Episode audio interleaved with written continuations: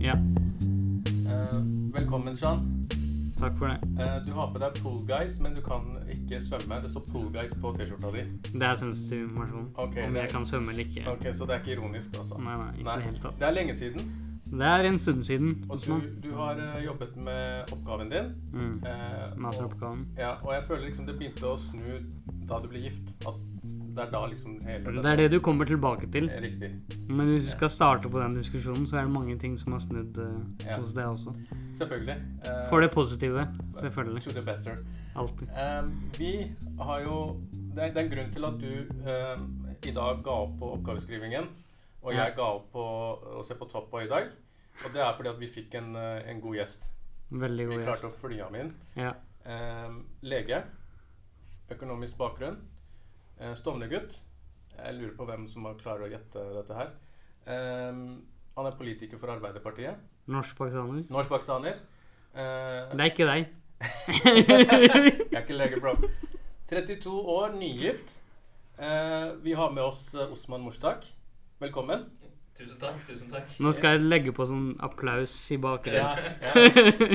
Yes. Eh, Osman, du, eh, du jobber for tiden i Genéve, eh, i Verdens helseorganisasjon. Og det var vanskelig å få tak i deg. I går så sendte du melding eh, foregårs at nå er du her. Så nå måtte vi bare gjøre om. Så velkommen, og vi er heldige som har deg. Hvordan går det? Det går veldig bra. Vi har hatt nettopp en flott id-feiring sammen med familien. Ja. Eh, og det er kult å være tilbake i Norge.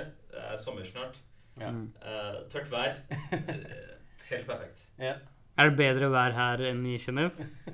Nå som pandemien er ferdig, så tenker jeg det er ganske kult å komme tilbake. Altså, Det var jo helt fantastisk under eh, id. Du så liksom Ja. de store mengdene. Mm. Uh, Det er første gangen vi kunne faktisk um, feire id på ganske mange år. Ja, to år. Ja. to år siden 2019 var kanskje siste gangen vi hadde ordentlig id-feiring. Ja. Mm. Så den var ganske Um, nå, nå er jo ikke der, men jeg tenker at um, hvis vi bare kan gi en liten bakgrunn um, for hvorfor du uh, er nettopp der du er.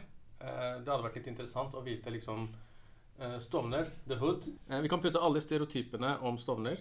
Uh, og så jobber du og er veldig profilert. Har vært veldig profilert under korona. Før det også. Uh, hvordan skjedde dette her? Den, den uh, veien og reisen, på en måte. Eh, Altså, jeg, jeg tenker at eh, Norge på eh, veldig mange måter er eh, et veldig unikt sted i verden hvor selv de på en måte stedene, uh, urbane områdene våre, som, er, som, har, som lider av mye sosioøkonomisk ulikhet Mm. uh, Stovner er på en måte et av de uh, bydelene. Så er det fortsatt ikke slik at eh, man mister alle mulighetene. Eh, Mm. Men selvfølgelig veien er veldig mye vanskeligere for folk som f.eks. vokser opp i vedvarende lav inntekt. Eh, men du går fortsatt på eh, videregående, det er offentlig Mm. utdannelse. Du har fortsatt tilgang til universitetet uh, osv. Så, videre. så eh, hos meg så var, så var det en eh, eh, Det var en forventning av foreldrene mine at Mm. eh, vi skulle ta allmennfag på videregående skole. Selv om, eh, selv om rådgiveren på Rommen skole ikke ville at vi, vi skulle gjøre det. Hadde andre planer for oss. Hva, skulle, Eh, hva, ville rådgiveren? Nei, han satte opp Dette er interessant, da. Ja. Eh, Men eh, han drev og satte opp regnestykket regnestykke for foreldrene mine på eh, hvordan det hadde vært bedre for oss om jeg gikk eh, yrkesfag. Og yrkesfag er, det, er ikke, det er ikke dumt, det heller. Nei, nei. Men, eh, men det, er, ikke- det er ikke slik at det passer for alle. Nei. Var det Vedum som satte opp til regnestykket? Nei, det var ikke, det var ikke Vedum. Men du må, du må kanskje høre eh, Jeg vet ikke om dere har lest eh, boka til Zishan Shakar, 'Tante Yrkesvei'. Jeg, jeg er gift i Stovner, ja, du, men jeg, men jeg har ikke lest den. den, Jeg du må lese 'Tante Yrkesvei'. Okay. Og den beskriver egentlig ganske godt oppveksten. Eh, altså Et sted imellom disse to gutta Okay. eh, er liksom Det er to hovedpersoner i boka. da Ja. Det beskriver liksom oppveksten på, på Stovner eh, og Rommet skole. Ja. Um, og, og, og jeg vil bare si at liksom, For min del så var det egentlig gjennom eh, universitetet, når jeg begynte på universitetet, tok medisinutdannelse og interesserte meg for folkehelse, Mm. klimaspørsmål, at, at veien ble til slik den ble. Da. Eh, så jeg ble Mm. først interessert i globalt helsespørsmål, folkehelsespørsmål. Um, eh, og så skjønte jeg veldig fort at for å skape påvirkning eh, i Norge og utlandet, der vi sitter, så er kanskje politikken en veldig viktig avenue for, for påvirkning. Og, og da var det egentlig veldig naturlig for meg å gå inn i, i politikken. Arbeiderpartiet. Altså alle mine eh, viktige liksom idoler er eh, Arbeiderparti-folk. Jeg, jeg, jeg liker hva Ja. Nei, men det er ikke det. Men, men det er jo ikke sant, ikke sant, spesielt liksom som en person som har helsebakgrunn. Da, så er Ja. ikke sant, eh, Gro Harlem Brundtland, Jens, Mm. eh, Jonas Alle de på en måte har spilt en, en uhyre, uhyre viktig rolle. Og så Mm. Når man vokste opp, så hørte man også foreldrene våre snakke om Ja. eh, både liksom Gro-tiden og eh, hvor viktig det var for dem at Arbeiderpartiet var i, eh, var i makta, makta. Men uansett, da.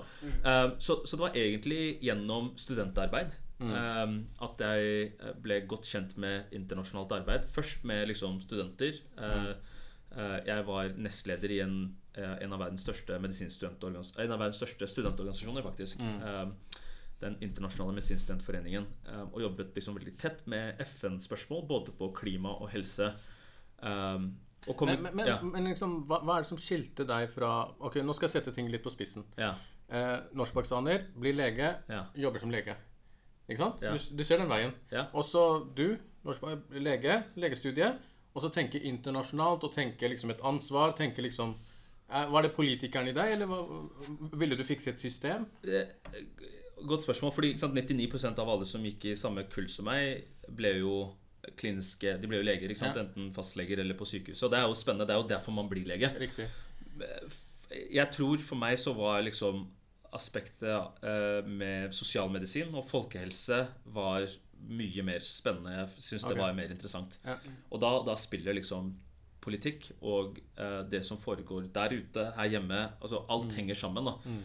Um, og, og da bredder man litt ut. Og jeg ble også veldig tidlig liksom interessert i klimaspørsmål. eh, I kontekst av at klimaendringene eh, er den største folkehelsetrusselen. Eh, også i lys av liksom f.eks. pandemien. Eh, en av grunnene til at vi ser eh, flere og flere utbrudd av virus som kommer fra eh, dyr, er jo pga. Utryddelse av eh, biodiversitet og, og degradering av naturen. Eh, dyr. Ja. Er, er, det, er det sant? Altså biodiversity loss, da. Men, nei, men er, er det Ja. sant at korona kommer fra uh, bats og pangolins? Eller, eller jeg, jeg, jeg blir så Altså Noen driver og sier at det er laboratory theory og sånne ting. Ja, Altså, jeg, jeg tror nok at uh, Uten at Jeg snakker ikke på vegne av Verdens helseorganisasjon her, som bare er viktig å stadfeste. Men, men forskningen Ja. eh, tilsier Altså, det, mest, det beste vi har av forskning, tilsier at eh, det sannsynlig har, sannsynligvis har vært en zoonotisk eh, Altså at eh, SARS-CoV-2 er en zoonotisk overført eh, virus. Altså dyr. Det, det, vil si at den kom fra Snakk litt Stovner, bro. Det, det kan, at, det, at, det, at, det, at liksom kommer fra Dyr? eh, dyr. Okay, Eh, ja. og, og, og det er sånn at alle nye liksom, sykdommer som blir introdusert eh, gjennom dyr til, til, til mennesker, er, eh, har en, kan ha en pandemipotensial. Da. Eh, vi trodde at vi skjønte og Nå skal jeg ikke liksom gå altfor mye i dybden, men vi har jo hatt utbrudd av SARS-viruset før. Altså et koronavirus, I, som dere husker i Hongkong og Kina. eh, I tidlig liksom, tusenårsskifte. Mm. Um, og så hadde man MERS, eh, som dere kanskje har hørt om, som var i, liksom, i Midtøsten. Man tenkte at liksom, kameler eh, og den type dyr var eh, viktig eh, utgangspunkt for det. Og så tenkte man at ok, men vi kjenner koronavirusene litt, så det var egentlig ganske sjokkerende at vi fikk eh, et koronavirus som kunne spre seg på den type måten. da Ja, ja. Eh, og, og, det, og det sier seg litt om hvorfor på en måte, eh, pandemiberedskap er superviktig. Fordi man vet ikke hvor det skal komme fra, men man kan ta noen viktige steg uh, og, og være forberedt på det. Og ja, alle liksom verdens land uh, som kjørte liksom pandemiberedskapsevalueringer, viste at høyinntektsland skulle i teorien vært bedre forberedt oh, ja. enn Ja. lavinntektsland. ja. Men- Men var ikke Men Ja. altså, pandemien eh, viste oss at det var eh, land i f.eks. Øst-Asia som hadde hatt type utbrudd før. SARS, f.eks. Kina, Ja. eh, Sør-Korea, Japan. Ikke sant? De, de, var, de var flinke til å håndtere I hvert fall i starten var veldig veldig flinke til å håndtere Ja. eh, utbruddet. Mens Europa og USA, pga. også politisk ledelse, var, gikk, det ikke helt til helvete. Jeg leste også noe om at um, siden mange afrikanske land hadde relativt nylig erfaring med ebola, at de var noe mer forberedt. Jeg vet ikke om det også Om du kjenner noe til det? Ja, altså jeg kan jo kanskje snakke ut fra Pakistan. Altså jeg vet at Vest-Afrika Fordi eh, du, har en, eh, du har en playbook som du Mm. følger eh, som en La oss si hvis det er folkehelsemyndigheter. Du har en playbook som du følger på hvordan du skal kontrollere et utbrudd. Ikke sant? Og veldig mange av de metodene endres egentlig ikke. Det er liksom veldig mye av det basic det samme. Ja. hvordan du oppdager et eh, patogen, altså et virus, eller hva enn det skulle være. eh, og, og hvordan du isolerer, hvordan du på en måte setter i gang eh, andre tiltak som begrenser utbruddet, hvordan du behandler det, og eventuelt hvordan du kan på en måte utrydde det. Det liksom, du følger liksom langs den linjen. da. Um, så for veldig mange utviklingsland, altså lav- og middelinntektsland, eh, også Pakistan, så er det sånn at eh, folkehelsemyndighetene har generelt god erfaring med infeksjonssykdommer. Fordi eh, hiv, aids, eh, tuberkulose, malaria er massive problemer. Og du har liksom allerede programmer på infeksjonskontroll som er relativt godt drevne. Men det er forholdsmessig veldig mye mindre ressurser for den type arbeid i, i disse landene. Um, altså, så, så hvis du skal liksom se grunnen til at det har dødd uh, færre mennesker f.eks. I, i Afrika enn andre steder, er egentlig at, en, at vi ikke greide å fange opp uh, dødsfallene. Altså nå. Verdens helseorganisasjon publiserte i går faktisk en, en modellering som viste excess deaths.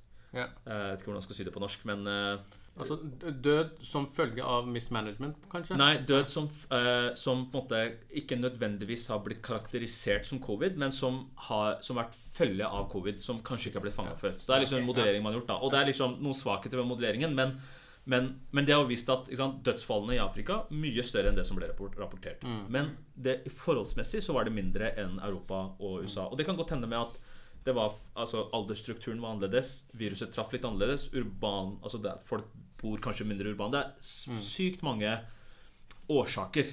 Kan, altså Mulige årsaker som du ikke har veldig lett svar på. da Og det er jo veldig mange variabler. Og under mye av informasjons, uh, informasjonen som har kommet underveis, så har det jo liksom forskjellige folk trekket, trukket frem forskjellige variabler for å forklare ting. da Mm. Og ting kan forklares i mange retninger ut ifra egne interesser. Men eh, jeg tenker neste naturlige steg for oss å snakke om, er jo på en måte din erfaring med å jobbe med dette her.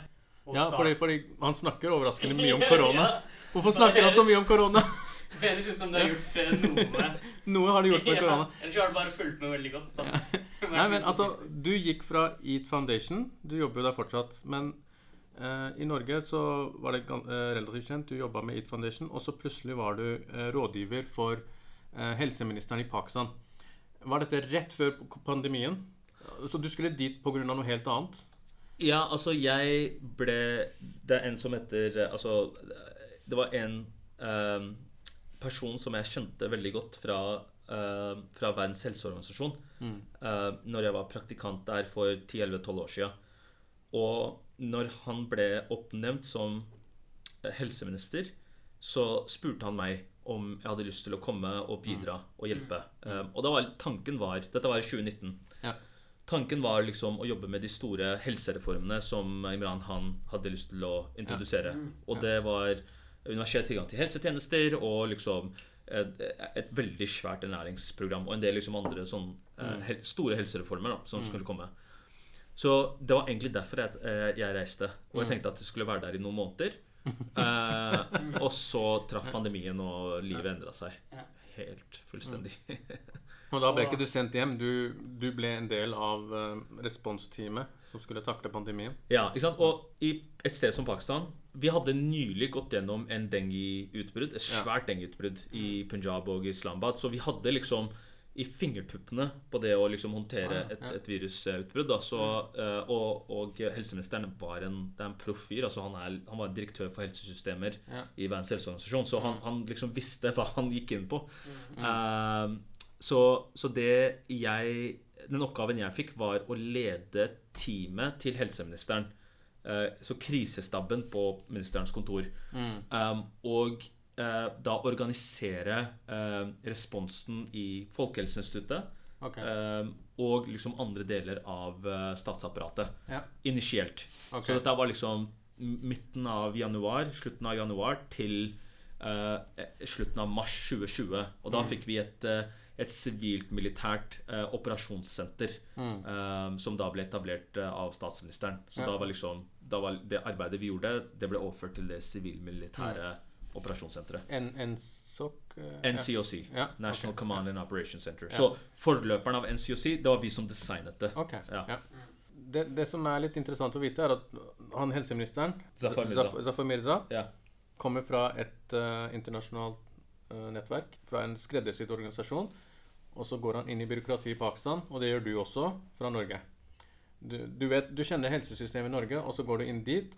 Det er et fattig land. Hvordan var det å møte byråkratiet, og hvordan, eh, hvordan var det å jobbe i det systemet for å løse denne pandemien? Fordi det sies jo på et eller annet vis at den pandemihåndteringa i Pakistan var en form for suksess.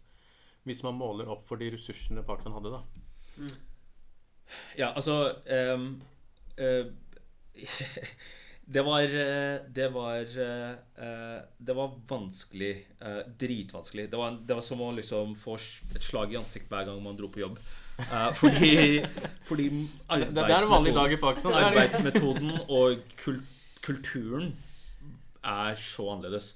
Og det er eh, veldig top down. Veldig, Ja. veldig veldig top down. Og spesielt da når du sitter liksom i red zone, som er på en måte der på en måte statsapparatet sitter. Riktig. Så du har ikke veldig mye bakkekontroll. For, eller bakke liksom eh, Du vet ikke hva som foregår på bakken Å, eh, på samme måte. Fordi ikke sant, det er et land med 220 millioner mennesker, Ja, og sitter du i et hjørne i slava, og tar liksom beslutninger for dritmange mennesker. Um, så, og, eh, og, og det er på en måte veldig uh, ageist society. Altså, Det er selvfølgelig mannsdominert, men det er også liksom aldersdominert. Så det å liksom komme som en jeg tror jeg var 29 år gammel eller noe sånt når jeg først dro dit. Og det liksom komme som en ung fyr eh, Jeg var liksom 20 år yngre enn absolutt alle andre Ja. som var der. Eh, og det var rart fordi når jeg begynte Når eksempel jeg eh, tok ordet i møter og liksom prata fritt. Fordi det gjør ikke unge mennesker Nei. på samme måte. Så, så det var liksom en tilpasning, og jeg følte at jeg var litt breial helt i starten. eh, og tenkte at uh, jeg skulle gjøre det på min måte. Jeg kom fra Norge. Uh, altså Hva er det verste som kan skje? Jeg drar tilbake til Norge, liksom. Mm. Uh, men jeg fikk ikke gjort veldig mye arbeid. Det var ikke så veldig effektivt å ikke liksom prøve å tilpasse seg de normene da Mm. som du har liksom ved å jobbe profesjonelt i byråkratiet i, i Pakistan. Så, så jeg måtte liksom tilpasse meg. Jeg måtte liksom begynne å si 'sir'. Eh, Mm, mm. Og måtte liksom uh, være litt mer forsiktig med hva jeg sa, og hvordan jeg sa ting. For å få gjennomført jobben. For å få gjennomført jobben. Ja. Og, eh, og etter hvert så Helseministeren begynte å liksom gi meg tyngre og tyngre ting, fordi Mm. han ville også ha en som kunne liksom skjære gjennom litt. da Mm. og, og det er liksom ikke helt lett å finne folk som på en måte Ja. kan skjære gjennom ting. Så, så jeg spilte liksom den rollen, og det liksom være upopulær. Altså, Mm. Jeg gir jo blanke om jeg er upopulær eller ikke. Fordi Mm. jeg, i, i, i hodet mitt så tenkte jeg at jeg, kommer- er der bare for en litt kort periode, så skal jeg dra tilbake. Så Du, har, du har liksom ikke eh, stakes in the game, på en måte? Er Ikke på sånn samme måte. taper, eh, ja, ja, ja. ikke på samme måte. Så, så, så Det er en fordel, da, kanskje, å være Ja, det såkalt overseas. Jeg, sp- Ja, men, men altså etter hvert så ble jeg jo liksom godt kjent med systemet. Eh, mange gode kollegaer, og det er 20% av folka som gjør 80% av jobben der også. Eh, så, så liksom jeg ble kjent med noen ordentlig extraordinary eh, Ja. civil servants og ja. politikere og eh, andre folk da som var liksom med i responsen. Det var en veldig, veldig spennende tid, eh, må jeg si. Er det noen av politikerne som du vil trekke frem, eller? Ja, altså jeg tenker altså Jeg jobba tett med uh, Sanja Nishter. Mm. Jeg vet ikke om dere kjenner til henne eller har hørt om henne. Hun, hun har jeg kjent i mange, mange, mange, mange år. Mm. Uh, uh, og var også faktisk en av våre eh, founding advisory board-medlemmer av EAT. Oh, ja. Eh, hun, er, eh, hun var minister av eh, eh, Poverty Alleviation and Social Protection, SAS Ok. yeah. program. Yeah, uh, riktig, riktig. det er liksom den derre Baines Income Support Program. Og hun er liksom Hun, hun, skulle, hun, eh, hun uh, kjempet jo mot Tedros for å bli uh, director general av WHO. Stemmer Og fikk ganske mye internasjonal støtte også. Så hun er liksom en stellar person. da Hun ble valgt senator under Imran Khan okay, okay, sin dette senatvalget som var. Så, så for eksempel henne Helt utrolig. Altså Det er liksom Altså A1. Altså det var, det var skikkelig spennende og morsomt å jobbe med henne. Zafar Mirza uh, eh, Han var jo også liksom en liksom, ordentlig topptung fyr og veldig liksom Men, men igjen, da, disse folka her var profesjonelle. Eh, ikke, kanskje ikke så veldig mye politikere. Faisal Sultan også, som kom som minister etter Zafar. Ja.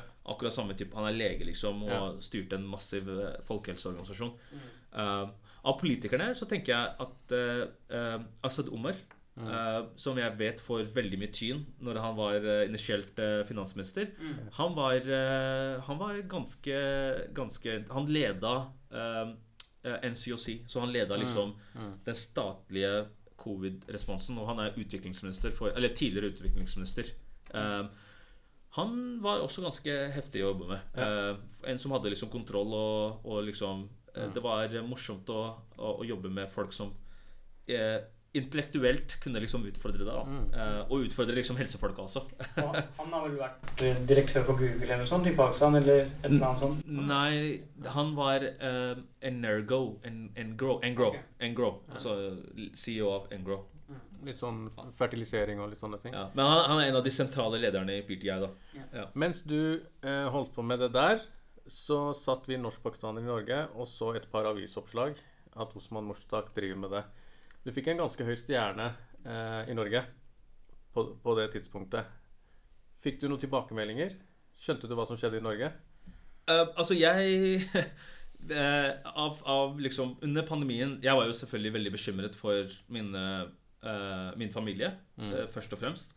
Faren min og moren min, altså spesielt faren min, er i risikogruppen. Så, Ja. Og jeg så hvordan viruset spredde seg spesielt i, blant minoritetsbefolkningen. Oslo øst, Oslo sør. ikke sant? Og det var, det var litt skremmende, må jeg ærlig innrømme. Um, og og den, den feedbacken jeg fikk fra familien min, var eh, De var jo ikke de var veldig bekymra for at jeg var i Pakistan.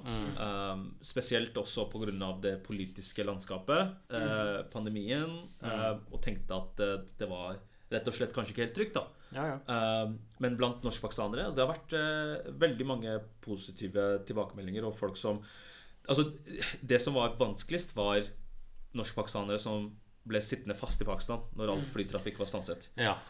Og jeg pleide å få telefoner i hvert fall flere ganger i uka av be bekymrede norskpakistanere. Eh, snakket tett med ambassaden også, folk som liksom satt fast i Pakistan. En Ja, mor ja. eller far som er syk. Riktig. Og noen av de var, det var ganske seriøse tilfeller. Så det var eh, Altså, det var jeg, jeg var liksom Jeg prøvde å hjelpe så mye jeg kunne, men, eh, men det var veldig sobering experience. Men, men, men det er jo det som er Pakistan, på en måte. ikke sant? Du, du, du har et formelt system. Ja. Så går det mye på bekjentskap. Alt går på bekjentskap. De vet at de har et problem, ja. og de vet at du sitter på systemet der. Selvfølgelig går telefonen til deg. Ja. Ja, ja. Så det å manøvrere der, og så har du et militær ved siden av som på en måte De har ressursene de trenger, og så skal de også være med på å håndtere. Hvordan kan en military mind møte en byråkrat og håndtere en pandemi? Opplys oss! og hvordan håndterte du det? Altså, var det, var det vanskelig? Var det gøy? Var det litt spennende? Altså Altså, det var eh, Militæret i Pakistan Jeg har jo ikke noe praktisk kjennskap til militæret i Pakistan før jeg ehm, begynte å jobbe spesielt med pandemien. Um, det som folk ikke vet, er at um, allerede i slutten av andre starten av tredje uke i januar 2020 mm, Tenk på januar 2020. Altså 15., 16., 17. januar. Ja. Hvor mange mennesker som snakket om covid? Nei. Ikke, altså det var NCOV, det ble kalt Novel Coronavirus. Ja, ja. Militæret valgte å plassere to offiserer i Helsedepartementet på det tidspunktet. Ok. Som hadde nylig rotert fra De hadde vært på en liksom, øvelse i Kina. ja. og, så Ja. og så hadde de kommet til, til Pakistan og, og, og begynt å liksom jobbe med oss. da Og det var altså, e- egentlig ganske Egentlig ganske oppsiktsvekkende at, eh, at en institusjon i Pakistan, alle, før liksom politikerne begynte å ta det seriøst og alt sammen, tenkte at dette kunne være en, en stor trussel. Og liksom da plasserte eh, noen av sine liksom viktigste fagfolk i departementet for å hjelpe helseministeren. Okay. Det var sjokkerende. Altså jeg, jeg, jeg tenker at det viser at militæret i Pakistan er kanskje det eneste velfungerende institusjonen som du har.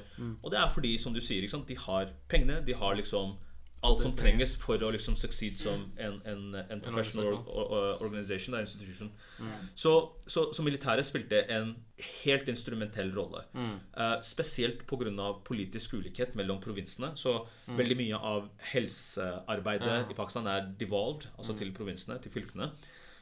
Og det er ulike eh, partier som styrer, spesielt i. Ja. Eh, du har People's Party. I sentrum hadde du BDI. ikke sant? Eh, Rivaler. så- du hadde rivaler, og liksom for å få liksom smoothen over noe av dette her, så, så militæret spilte jeg tror en, en, en viktig rolle i, i det. da. Så Som dere kanskje husker, i starten så var det liksom veldig mye nyhetsoppslag om at eh, fylkene drev med noe annet, og, og staten drev med noe annet. Mm. Uh, men det var egentlig bare føler jeg var spilt for galleriet, fordi uh, i bakgrunnen så, så var det egentlig stor oppslutning om alle tiltak. Samme Akkurat samme type strategi, samme type tiltak. eh, og mye liksom skytteltrafikk til liksom eh, provinshovedstadene til å sørge for at alt var koordinert. da Og det er jo vanskelig i et land med 220 millioner innbyggere. Ja, ja. Liksom. Så Du skal på et bryllup eller en begravelse. Det er frekt å ikke hilse på de folka.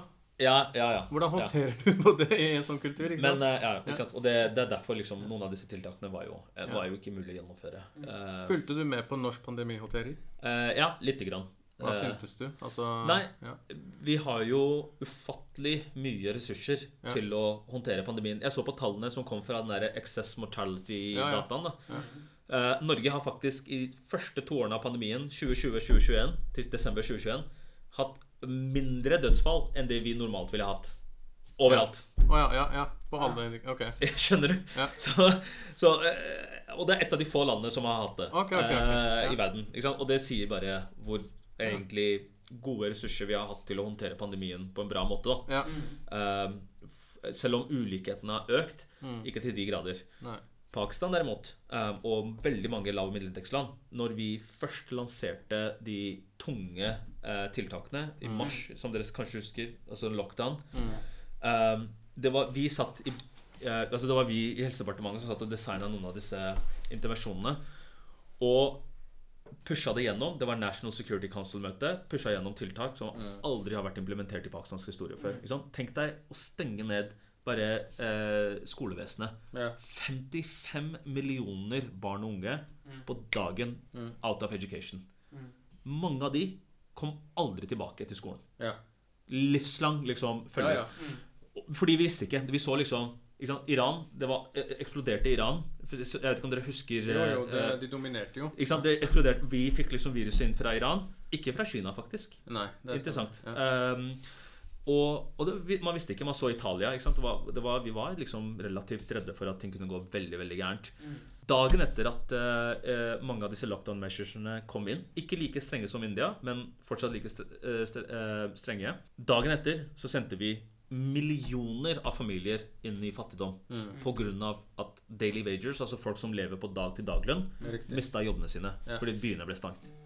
Så, så det er liksom dilemmaet sånn type land står overfor når en, man har payment of balance crisis, at du på en måte ikke har penger i reserven. Mm. Uh, du har et, eh, et, eh, en økonomi som er veldig inf informal, ikke sant? som ikke er liksom formal. Det er liksom Mesteparten av økonomien er informal.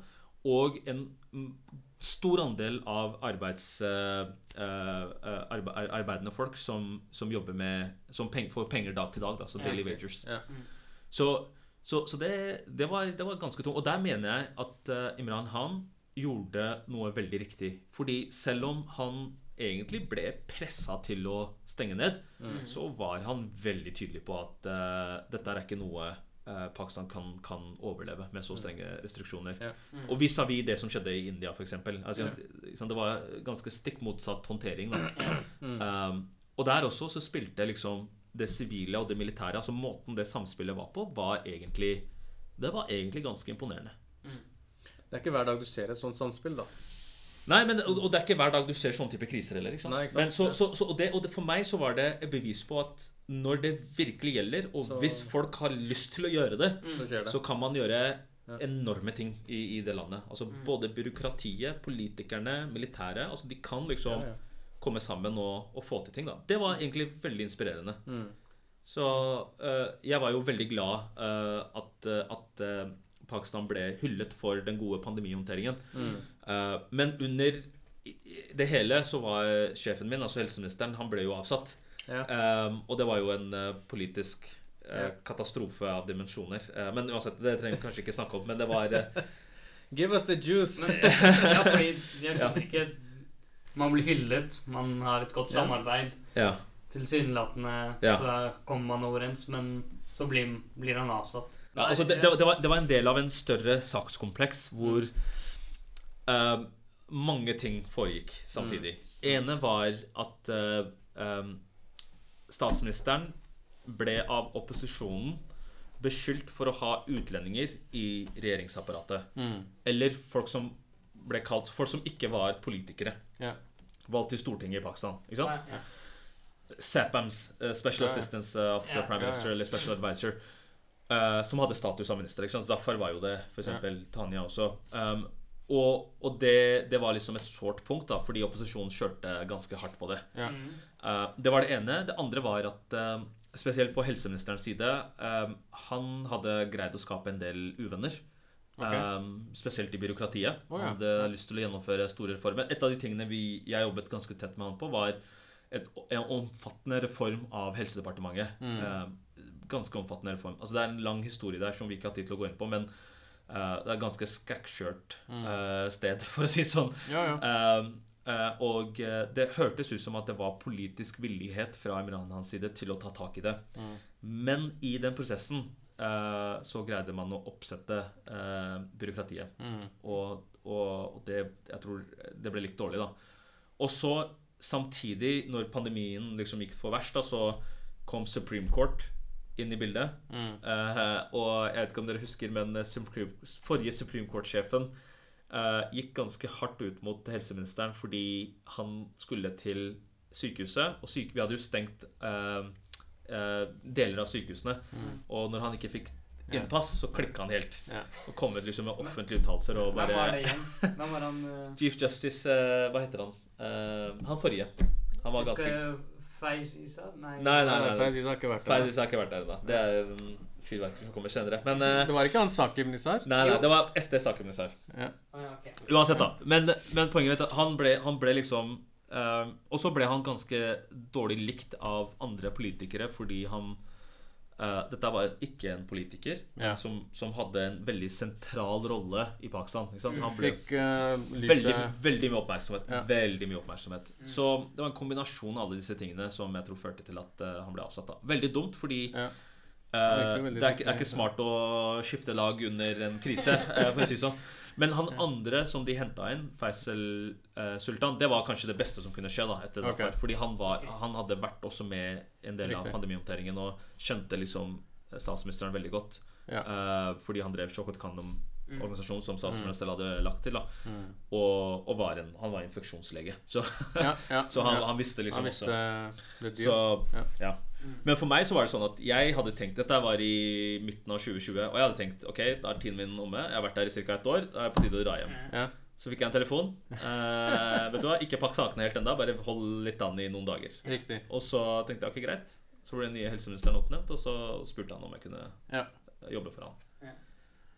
Og ironisk nok Mm. så fikk jeg mye mer innflytelse under den nye helseministeren. ja, ja. Eh, fordi du, du, du har jo sittet lenger enn han. Ikke sant? Så, det, så ja.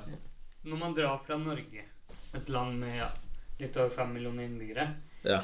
og drar til Pakistan, 220 millioner mennesker Alle tiltak på en måte dere vurderer, påvirker liksom enormt mye folk, da. Hvordan er det, og hvordan var det for deg å sitte i den posisjonen og skulle påvirke så mange liv? da? Hvordan ble du på en måte vant til å ta de avgjørelsene, eller var det en tilvenning, eller Altså, det er jo skremmende. mm. Fordi på den ene siden så, så følte jeg at uh, veldig mye var avhengig av det arbeidet vi gjorde. Fordi det er ikke et, et, et eh, så godt system. Du har ikke, du har ikke liksom et massivt byråkrati og et faglig system, f.eks. her i Norge. Sant? Du har liksom Helsedirektoratet, du har Folkehelseinstituttet, du har på en måte eh, Og så har du et svært Ja, helsedepartement. Der er det ganske spinkelt. Mm. Eh, og derfor så er på en måte Og det er ganske topptungt, så hvis det er politisk innflytelse, så kan man få gjort ting. Uh, så jeg følte jo, uh, kanskje til og med før pandemien traff, da, at uh, noe av de spørsmålene vi jobbet på At eh, jo mer jeg jobbet, jo bedre var det, og jo mer forandring kunne man skape for befolkningen. Mm. Så følte jeg liksom stort personlig ansvar, egentlig. Veldig stort personlig ansvar. Og under covid så uh, Det var egentlig ganske humbling uh, experience. Altså, yd, altså Jeg ble veldig ydmyket over uh, Spesielt når jeg begynte å liksom se effekten av noen av de tiltakene som Mm. jeg hadde vært med på å foreslå. Som det å stenge ned skoler. Mm. 55 millioner barn. Altså jeg, jeg kommer Jeg tror jeg mista nattesøvnen Ja, ja. eh, på grunn av de, de greiene der. Fordi eh, Dette er ikke teori lenger. dette er ikke teori. Dette er liksom hundrevis av tusener, kanskje opp mot 1-2 millioner barn som aldri kommer til å returnere til, eh, til, til skolen. Og vi måtte stenge ned skolene i to omganger. Eh, og, og jeg var med på å bygge liksom grunnlaget for at det burde skje, da, fordi at eh, viruset, altså alfa, når, når alfa traff, at vi for eksempel, var, Vi hadde ikke noe annet valg. Eh, Men, men man Skjønner du hva jeg prøver å si? Altså, det, var, det, var, det, var, eh, det var eh, ganske tungt. Og jeg, jeg føler at i hvert fall i tidlig fasen i pandemien um, så gikk jeg på veggen flere ganger. Altså Jeg var så utbrent. Det var bare helt spinnvilt. Jeg fikk telefoner klokka ett på natta. Måtte levere noe klokka seks om morgenen. Mm. Og hver eneste dag Det var ikke en eneste dag fri de første liksom, syv månedene av pandemien. Det var bare Det er noe av det sykeste det er Ikke noe. Det er det sykeste jeg har vært med på. Så Men eh, føler du i ettertid eh, Fordi pandemien ble jo håndtert veldig annerledes etter hvert. Kunne dere gjort ting annerledes? Eller var liksom de tingene dere hadde da, det var ikke mulig å liksom mange ting vi kunne gjort annerledes Ja. i, i etterpåklokskapens uh, Ja. Um, et av de tingene som jeg, jeg har jobba mye med når jeg ble henta ut av Pakistan til Genéve i WHO, er, har jo vært at på testing, um, der uh, vi kunne gjort en bedre jobb um, uh, uh, Og en del liksom sånne type ting. da At, at vi kunne gjort det liksom bedre. Mm. Men generelt, med de erfaringene vi hadde, de ressursene vi hadde, så tenker jeg at Pakistan har greid seg overraskende bra. Også på vaksinering. Mm. Okay. Um, og det er et helt annet tema, da, men, men uh, jeg uh, Det siste jeg gjorde før jeg dro fra Pakistan, var å lage vaksinasjons... Altså eh, immuniseringskampanjen, da. Uh, okay. Når den første, og jeg var med på å ta imot liksom, de første dosene fra Kina. Det var Ja, ja. ganske spess. Ja. Å å være på airbase, og det kommer liksom Ja, ja. eh, militærfolk og liksom ta med halv million eh, Sinopharm-vaksinedoser. Ja. og det var, det var, egentlig, det var egentlig ganske spesielt. Men, men, men jeg, jeg bare tenker Pakistan eh, håndterte det på en relativt bra måte fordi du hadde det samspillet mellom militæret og de sivile. Mm. Eh, og grunnen til at jeg sier det, er fordi for eksempel, Initielt så hadde vi tenkt at vi skulle satse på Covax, som er det internasjonale vaksinesamarbeidet, for å få vaksinene. Mm.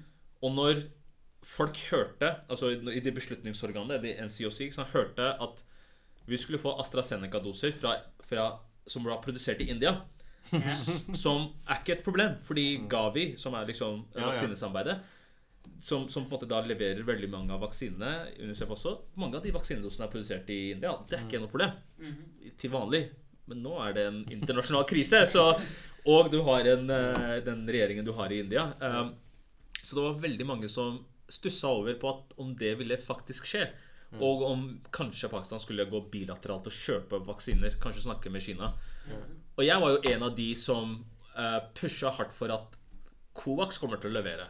Gavi kommer til å levere. Det er ikke noe problem. Dette er liksom standard greie. Og hva skjedde? Jeg leverte ikke. De leverte ikke, fordi inderne hadde plassert en ban. Oh, ja. Ikke sant? Ja. Uh, initielt mot uh, Pakistan, men som, som ble utvida. Jeg vet ikke om dere husker, men de stoppa å levere vaksiner. Ja. Um, og, og det var ordentlig slag i trynet. I hvert fall for, for, for altså? Jeg måtte liksom sitte i kroken i noen dager Mm. fordi vi hadde liksom gitt anbefaling om å ikke liksom kjøpe vaksine. Uh, uh, men eh, så liksom svingte man til veis og greide å liksom få tak i vaksiner. Ja. Og nå er liksom landet vaksinert. Ikke, mm, Vi nærmer oss altså Pakistan nærmer seg liksom 65-70 60, 60% Hvordan var sånn Altså Landet er også fullt av konspirasjonsteorier. Ja. Eh, landet har fortsatt Det var noen tilfeller av polio. Eh, det kommer og går. Eh, og det ble snakket en liten stund om at eh, den kinesiske vaksinen hadde sånn grisegreier. Ja. Og det muslimske lærde kom på banen med en gang, for de fikk beskjed Hei, dette her har vi ikke råd til. Hvordan ble sånne ting håndtert? Men det, det, det skjer ikke av seg selv, vet du. Ja. Fordi vi engasjerte presidenten, Arif Alvi, Ja. til å da inngå dialog med eh, eh, religiøse ledere. Ikke bare muslimske, muslimske, men andre Ja. religiøse ledere også. Ja. Sånn at eh, du kunne høre et felles budskap. Riktig. Mm. Og det som var Og dette er eh, kanskje ikke Folk snakker ikke så veldig mye om dette her, men en av de viktige grunnene til at land som fikk tak i vaksiner i 2021 Mm. har greid å vaksinere så mange, versus land som ikke fikk de vaksinene. De fattigste landene i verden, Afrika f.eks., Sub-Saharan Africa, som ikke hadde vaksinene. At de ikke greide å vaksinere, er fordi at i 2021 så var viruset fortsatt livsfarlig. Mm. Ikke sant? Ja, ja. Du hadde eh, bildene fra India som skremte vettet av alle sammen, og spesielt i Pakistan. Ja. Jeg kan love deg, det var lange køer for å få tak i eh, vaksine. ja, ja. Så folk var fortsatt skremt. Og, eh, og sånne typer land eh, har Altså Pakistan, for eksempel har et ganske bra bygget immuniseringskampanjer. altså polio, polio Ja, vi, eh, en vanlig, en vanlig poliokampanje vaksinerer 50 millioner barn i løpet av fem dager. Det er dør-til-dør-kampanjer. Mm. Skikkelig impressive eh, greier. Så, så, så det, var, det var liksom det som var jeg tror, hoveddriveren. Mm. Korona var eh, reell. Veldig mange mennesker mista livet. Mm. Og man så at, eh, at ok, her har man tilgang til vaksiner, og folk gikk etter det. Bare ta det. Ja. Ja. Og, og næringslivet spilte en stor rolle ikke sant? på telefonene. Jeg vet ikke om dere var i Pakistan de siste to da årene, men Ja. Jo, jo. når du ringte i Pakistan, så var det eh, Så var det sånn at eh, ehm, eh, den meldingen du fikk opp, altså opplest under ringetonen, var Ja. en koronamelding. Koronainformasjon. Det husker jeg jeg var der i 2021. Ja. Men eh, et annet spørsmål, litt inn på noe av det du snakket om, liksom at du hadde en tillit til Covax. At de vaksinene skulle komme gjennom. Hvordan Det var jo på, en måte, på mange måter en informasjonskrig også. Mm. Og ja. uh, mye kritikk og mye ros for forskjellig type håndtering. Norge fikk jo ekstremt mye, liksom, i hvert fall internt, kritikk for uh, utgangspunktet hvordan man håndterte og at man var for treig ute, at Danmark gjorde det bedre, eller whatever. Hvordan var det når du er midt Når du er i Pakistan, og all den informasjonen kommer utenfra, da, uten erfaringer utenfra? Hvordan filtrerer man på en måte ut det som er støy? Hvordan Altså av, av fag, faginformasjon, tenker du? Ja, eller generelt om liksom Også politisk press om å enten ikke stenge ned eller stenge ned. Ja. Mm. Altså Den politiske biten er eh, var eh, Altså det, det er jo et håndverk, eh, tenker jeg. Fordi man må høre på det man hører fra liksom ulike interessegrupper. F.eks. Eh, utdanningssiden, da, som vi snakka litt om utdanning allerede. Så var det sånn at det var eh, eh, ut, Utdanningsdepartementet, men også liksom Pakistans svært sektor for privat eh. Så det var liksom en del grupper som kom eh, og ville prate om hvordan de kunne åpne opp skolene på en safe måte. Safe Mm. return of education. Og det er viktige dialoger. Så alle sånne typer dialoger med liksom både myndigheter, næringslivet og sivilsamfunn var viktige. Og det var mange slike dialoger. Hver eneste dag var det en dialog. Mm. Så, så den nasjonale koordineringsinstansen ble da et samlepunkt for alt sånn type diskusjon. Um, når det kommer til uh, internasjonal og forskning, um, så i første omgang så var jo liksom vi mest opptatt? Du hadde jo liksom ulike grupper som så på ulike form for uh, litteratur som ble publisert, og hvor, som på en måte da påvirket våre guidelines. Um, jeg eksempel ble satt til å lede en gruppe som skulle eh, gi retningslinjer for reisevirksomhet. Um, det, det tilfalt meg da eh, å å liksom lede arbeidet med eh, f.eks. et, et system som overvåket um, um, eh, at, at vi greide å liksom fange opp nye eh, virusvarianter. Mm. Og da f.eks. stenge ned grensene til ulike, land. Dette, dette var i 20, slutten av 2020, starten av 2021. Og det, det funka ganske bra, fordi eh, gjennom WHO, altså Verdens helseorganisasjon, og andre og det vi på en måte ble publisert av andre folkehelsemyndigheter, eh, f.eks. Alfa, som kom fra UK, altså UK variant, som det ble først Ja, kalt. ja. Um, Pakistan agerte relativt fort. Sant? Vi fanga det opp. Vi liksom fikk tak i den nødvendige informasjonen. Snakket med Verdens helseorganisasjon. I løpet av eh, tror 24 timer laget en policy på det. Mm. I løpet av 48 timer all flyreise fra UK stengt. Mm. Så veldig, det funka veldig, veldig effektivt. Mm.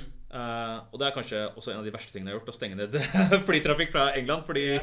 det bor 2 millioner, eh, 1,7 millioner uh, britiske pakistanere som uh, Det er ikke populær der, i hvert fall. Uh, Og veldig mange som hadde lyst til å reise. Liksom, jeg, jeg pleide å få opp mot 1000 meldinger om dagen. Ja. Av, eh, Folk fra Birmingham. for, av folk som måtte, måtte reise. Og det, ikke sant? Det er liksom Du må reise pga. bryllup, du må reise pga. Ja. dødsfall. Du må, det er så Det er Folk er syke, liksom. Og, Ja. så, så vi måtte lage en liksom da måtte de lage en egen komité som kunne behandle disse søknadene. Og det var liksom hundrevis av søknader. Så, og da satt man der liksom og måtte ta beslutning på Ok, kommer den personen inn, kommer den personen inn. Så, så som du ser, så, så vi, har, vi hadde liksom ikke en, en departement som styrte med det. Det var, Det var det var ad hoc Ja. ting ble liksom skapt litt ad hoc, da. Men, men det ble et system um, etter hvert Ja. i kaoset. Det var liksom system i kaoset. Mm. Og midt i dette her så beslutter du ikke å komme tilbake til Oslo. Du drar til Genéve uh, fordi du har ikke fått nok. Hva, hva er greia at du plutselig går til WHO uh, og er fortsatt med på å håndtere pandemi? Ja, altså Jeg hadde jo egentlig lyst til å komme tilbake til Norge Ja, for lenge siden, men Nei, eh, det som skjedde, var at eh, jeg ble kontakta av eh, norsk UD, Ja. som Altså, Norge har spilt en ufattelig viktig rolle i, den internasjonale covid-responsen. Ja. Vi har gitt milliarder av kroner og vært med på å lage eh, noe som heter Access to COVID-19 Tools Accelerator. Mm. Veldig kronglete navn. Altså ACTA kaller vi det. altså Act Accelerator. Uh, og det er basically uh, det globale mekanismen for å sørge for at vaksinene Covax eksempel, er en del av ACTA. Så vi har vaksiner, tester, eh, altså diagnostikk eh, og behandling eh, og verneutstyr for eh, helsepersonell, at det er tilgjengelig for Mm. uh, de fleste land som har behov for det. Mm. Uh, så, så Norge liksom er en av lederne i den gruppen. Da. Så jeg ble spurt uh, om jeg kunne liksom vurdere en sånn type stilling. Da. Så, Ja. Og da syns eh, eh, altså de folka som styrte dette i WHO, at eh, det var en passende ja. passende, liksom, det passende profil, fordi de ville også ha en person som hadde erfaring fra landet, et land, Ja. som hadde håndtert. Så det var veldig annerledes. Altså det å liksom komme på Riktig. Sitte på et globalt nivå og håndtere pandemi versus nasjonalt nivå. Mm. Eh, to helt, nesten helt forskjellige verdener. Ikke sant? Fordi Mm.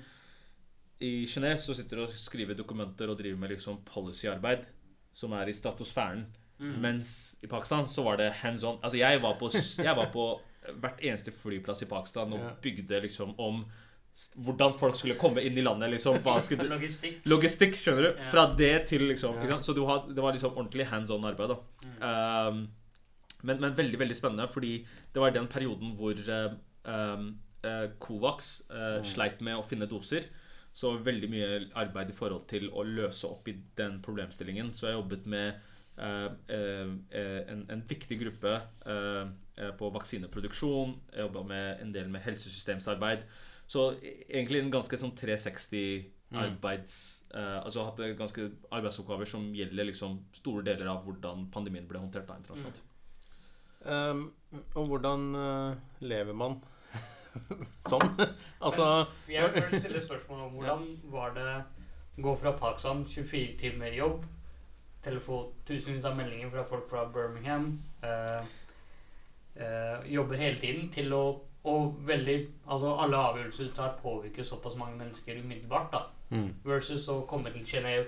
Fortsatt en stor rolle å være med på pandemihåndteringen internasjonalt og globalt, men kanskje ikke like tidssensitivt.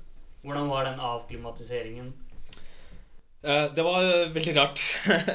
men, men, men Ble det nesten kjedelig? eller? Nei, nei, nei, absolutt ikke. Det ble veldig annerledes. Ja. Men og, og jeg tror jeg jobber kanskje like mye, men på en litt annerledes måte. Um, um, og selvfølgelig Altså, tidsintervallene nå Det, det er ikke liv og død, eh, selv om det er fortsatt kritisk, ikke sant. Så, så jeg, jeg tror det tok meg en liten stund til å liksom uh, bli vant med måten å jobbe med. F.eks. man jobber kanskje ikke like mye på WhatsApp. Nå får jeg ikke liksom like mange WhatsApp-meldinger, men jeg får dritmange e-poster. Så Det er, det er ikke veldig vanlig å jobbe på WhatsApp. Ja, ja, men, men du må huske India og Pakistan? Du jobber India, på Ikke bare India og Pakistan. Ja. Veldig mange land i verden så jobber man eksklusivt på WhatsApp. Oh, Jesus. ja, ok. Du, du sender ikke Det er WhatsApp det går. Ja. Uh, og det gjelder Indonesia, det gjelder liksom land i sør, sør for Sahara i Afrika. Altså WhatsApp er en veldig lett måte å jobbe på. Ja. Ja, ja men det, det er ny teknologi ganske mange steder, og bra ressurs. Eh, Jeg er veldig interessert i hvordan du, eh, du levde som privatperson også. Det å ha kontakt med familie. Det at du Du, du ble jo gift nå. Det å finne seg en eh, bedre halvdel.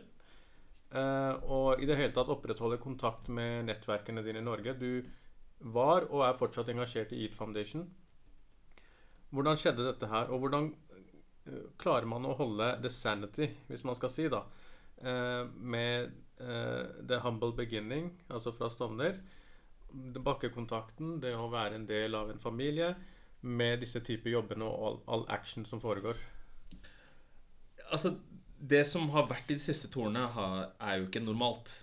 Nei. Pandemi er jo ikke normalt, ikke sant? Så, så jeg innser jo at det jeg personlig har vært gjennom i løpet av de siste to årene, arbeidsmessig? Alle har vært gjennom Noen har vært gjennom store traumer. Folk har mista sine nære og kjære. Men, men det jeg har vært gjennom profesjonelt, er, vet jeg er, kommer til å være ganske unikt. Mm. Um, så jeg, jeg tror at rent profesjonelt så har det vært egentlig Altså, jeg føler at uh, jeg aldri har lært like mye like fort som jeg har gjort i løpet av de siste par årene. Og det er også om å ha på måte kjenne på liksom viktige ansvarsområder. Um, og være uh, ydmyk nok til å forstå liksom hva konsekvensene av dine actions kan være. Mm. Um, så, så det tror jeg liksom Pakistan var veldig viktig på. Um, og, og det tror jeg jeg håper det kommer til å liksom være med meg. um, men, uh, men det ble jo ikke veldig mye tid for familie og alt annet. Mm. Um, det har vært veldig mye arbeid. Mm. Um, så jeg har hatt f- Nå i løpet av de siste månedene, altså i 2022 og sånt, og når liksom Mm. ting har liksom avtatt litt, grann, da, så omikron har jo gjort ting vanskelig igjen. Men, men der, da har jeg liksom prioritert, eksempel, Så har jeg tatt, eh, prøvd å ta turen innom Oslo så ofte jeg greier. Ja. Under pandemien også så kom jeg liksom til Oslo tre-fire ganger. Uh, på spesia type spesialfly og sånt, altså når all, all reise var stengt. Ja. Men, uh, men, uh, men det var viktig for meg. da Det var viktig liksom å bruke eh, en uke eller to uker sammen med familien her. Mm. Um, eh, fordi det- er veldig lett å gå helt i bakken. Riktig. Eh, og jeg, jeg vet at jeg ble utbrent. eh, Ja. Eller nesten utbrent. Ikke sant? Um, I hvert fall i tidligfasen. Altså. Og jeg, det var mange måneder eh, etter Og til og med nå eh, sliter litt med nattesøvnen. Og Mm. det, det har vært en Mm. eh, I hvert fall liksom De første liksom syv-åtte månedene av pandemien var helt brutal. ass. Det er Mm. liksom noe jeg ikke ønsker å gå gjennom igjen. Ja, ja. Selvfølgelig.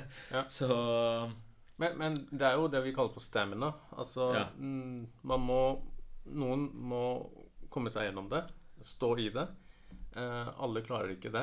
Eh, og man vet egentlig ikke før man har vært, gjennom det. Ja, men, men samtidig så, så Jeg vet at det gikk utover helse. Fordi før det Jeg pleide å trene hver eneste dag. Jeg hadde bra Ja. kosthold osv.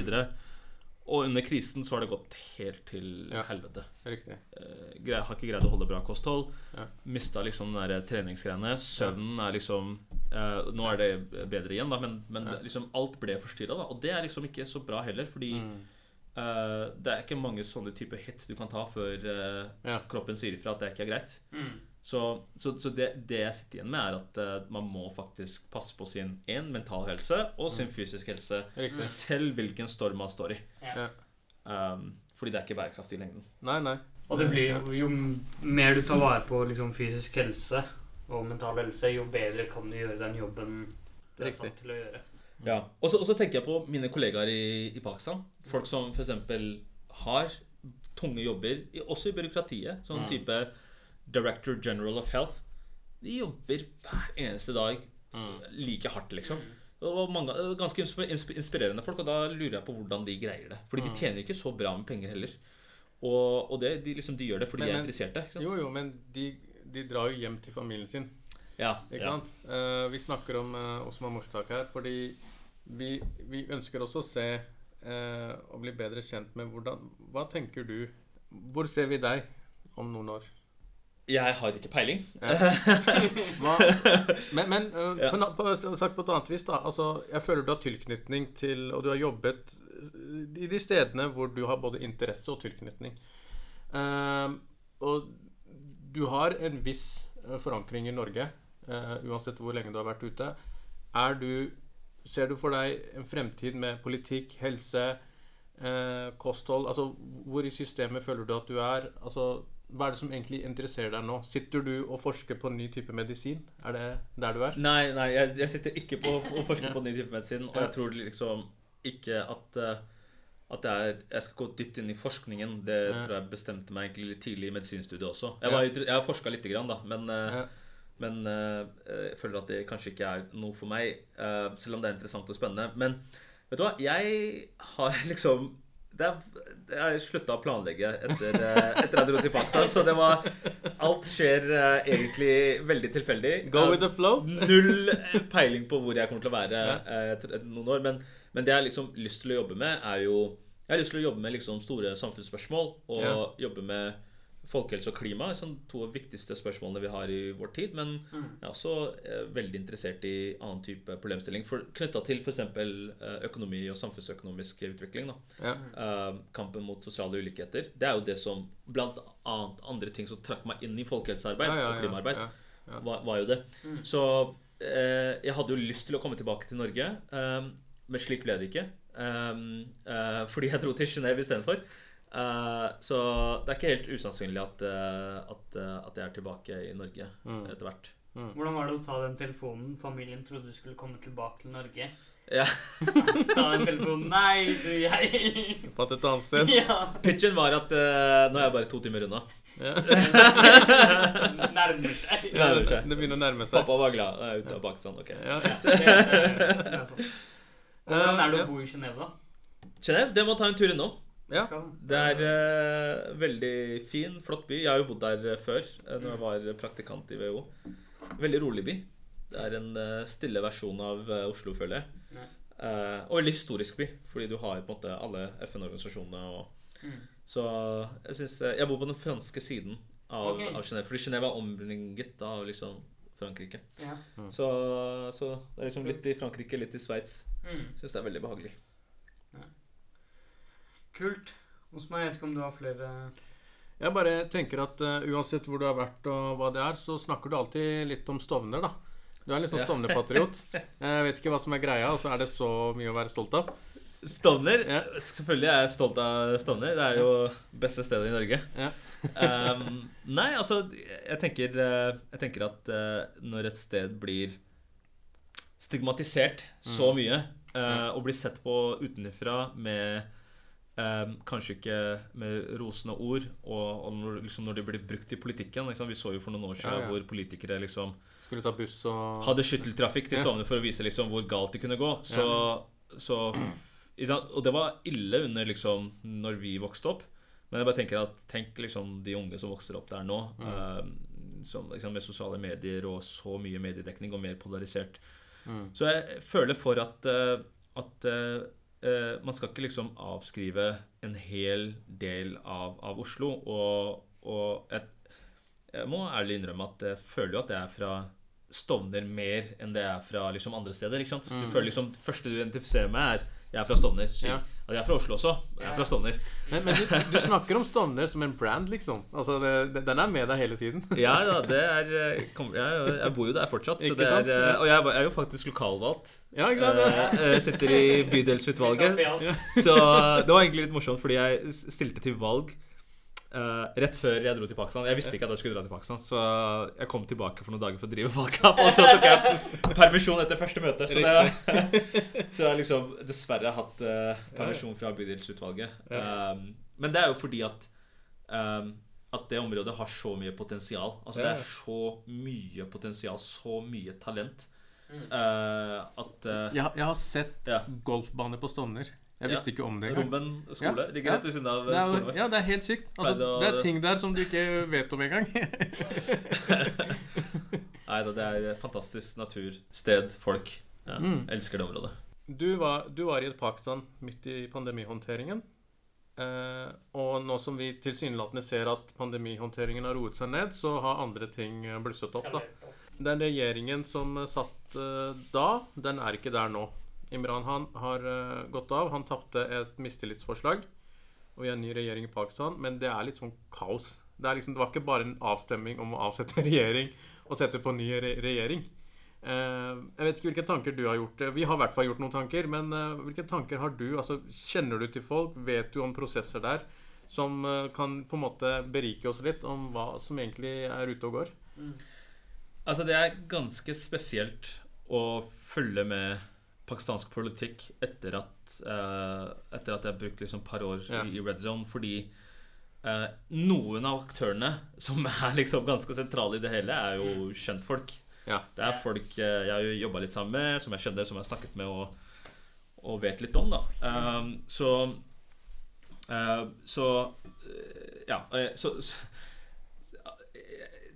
det som er egentlig trist, er at det er en veldig, veldig polarisert eh, Mm. environment. Mer enn det jeg tror jeg noen gang har sett. Altså Det er bare Mm. Det er så mye hat, rett og Mm. slett. Eh, så mye misnøye. Mm. Um, og, og jeg tenker liksom Når du ser liksom blant Ikke bare, bare, blant pakistanere, men utenfor Pakistan også. Mm. Um, så mye interesse, men det er veldig, veldig polarisert. Um, og, og, og med politisk uro og kaos uh? Pakistan går gjennom en økonomisk krise. Um, det har gått gjennom pandemi. Det har vært andre typer kriser.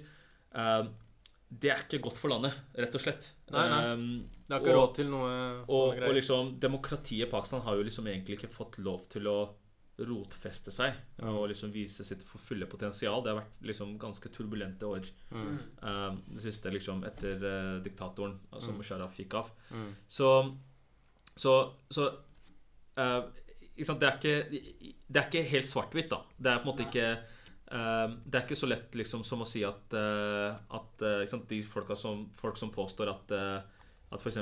Imran Han har mista all støtte og fortjener Det er kanskje ikke helt sant, det heller. Han har ganske mye støtte. Ja.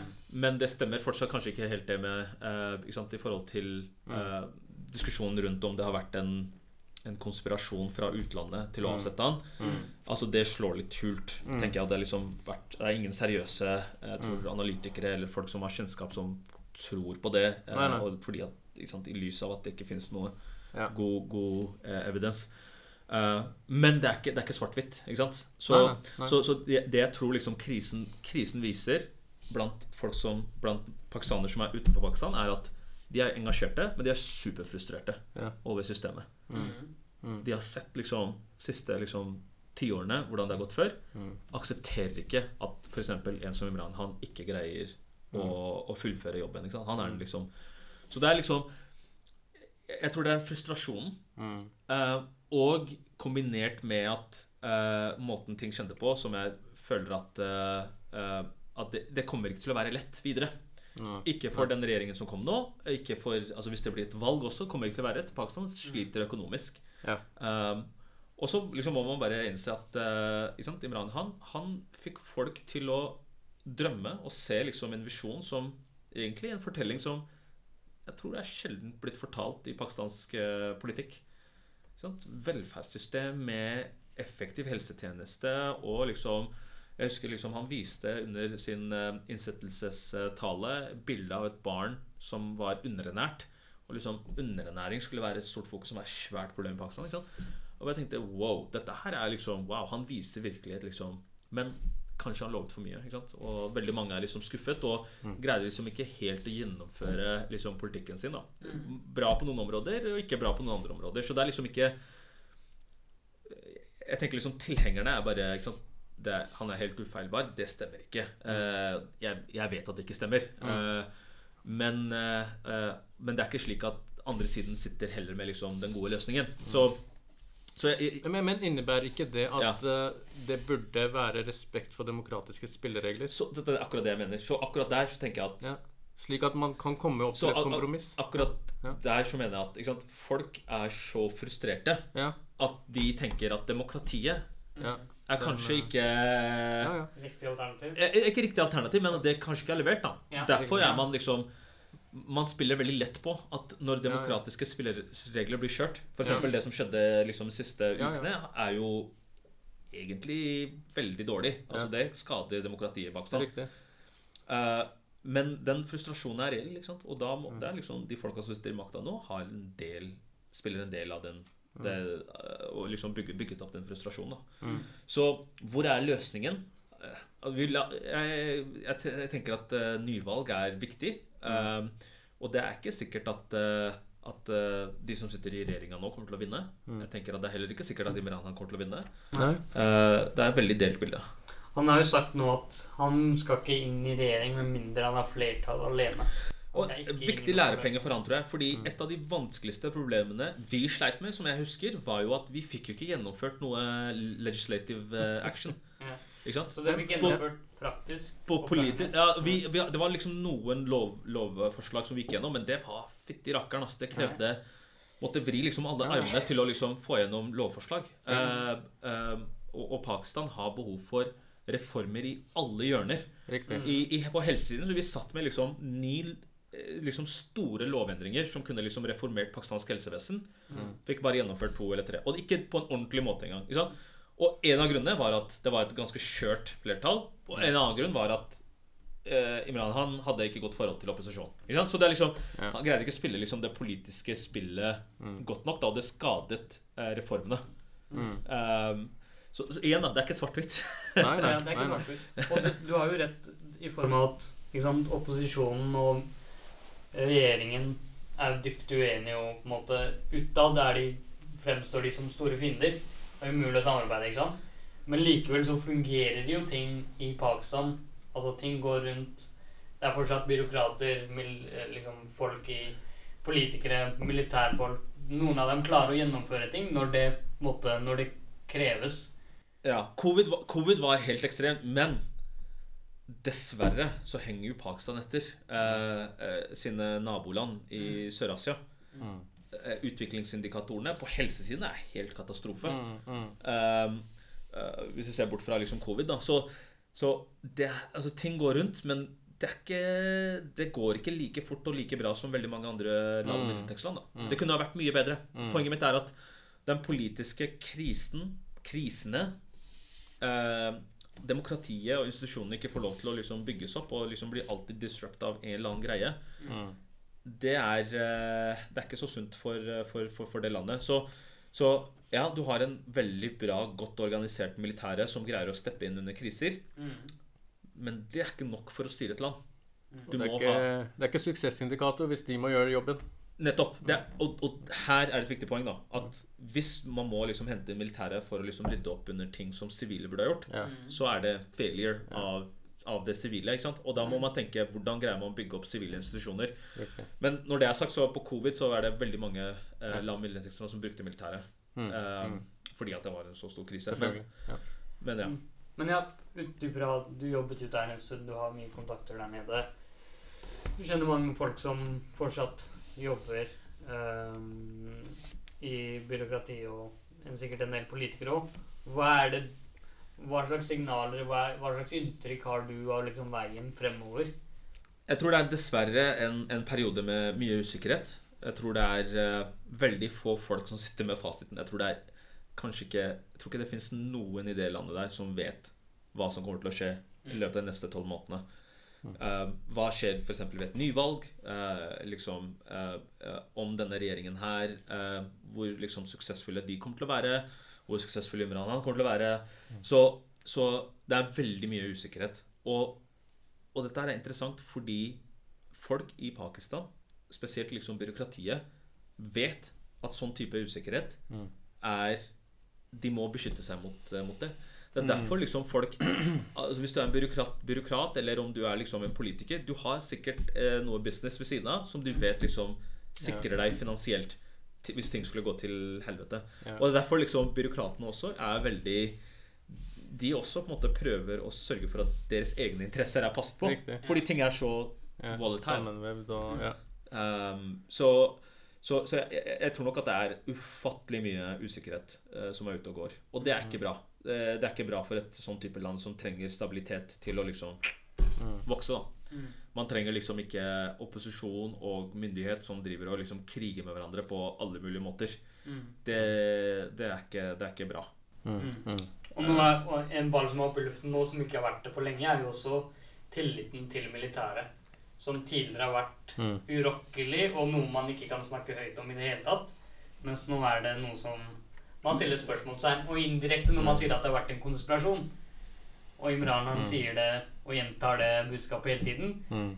Indirekte så er det jo også en Det, det de egentlig eh, sier, er jo at militæret burde ha støttet ham. Eh, Fortsatt å støtte ham. Det For hvis det har pågått en en konspirasjon Mm. for å ta over makten, så er jo det som, noe som faller under mm. militærets eh, rolle å beskytte landet mot.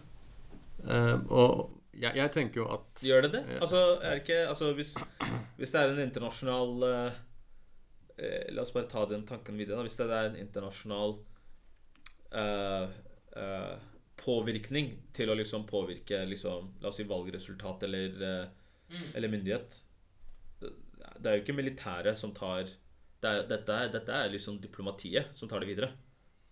Altså, det var jo Generelt, hvis, hvis du skal liksom Ja, eller når, når, når det var anklager mot eh, Eller når det var eh, spørsmål i USA rundt hvorvidt det valget var eh, Ja. rigget, eller Ja. om Russland spilte inn der, Ja. så var det vel CIA eller Altså sikkerhetsmyndighetene Ja, sikkerhetsmyndighetene. Er Enig, enig. Men det var ikke, det var ikke hæren. Nei, det var ikke hæren. La oss si ISI, da, i dette tilfellet. Ja.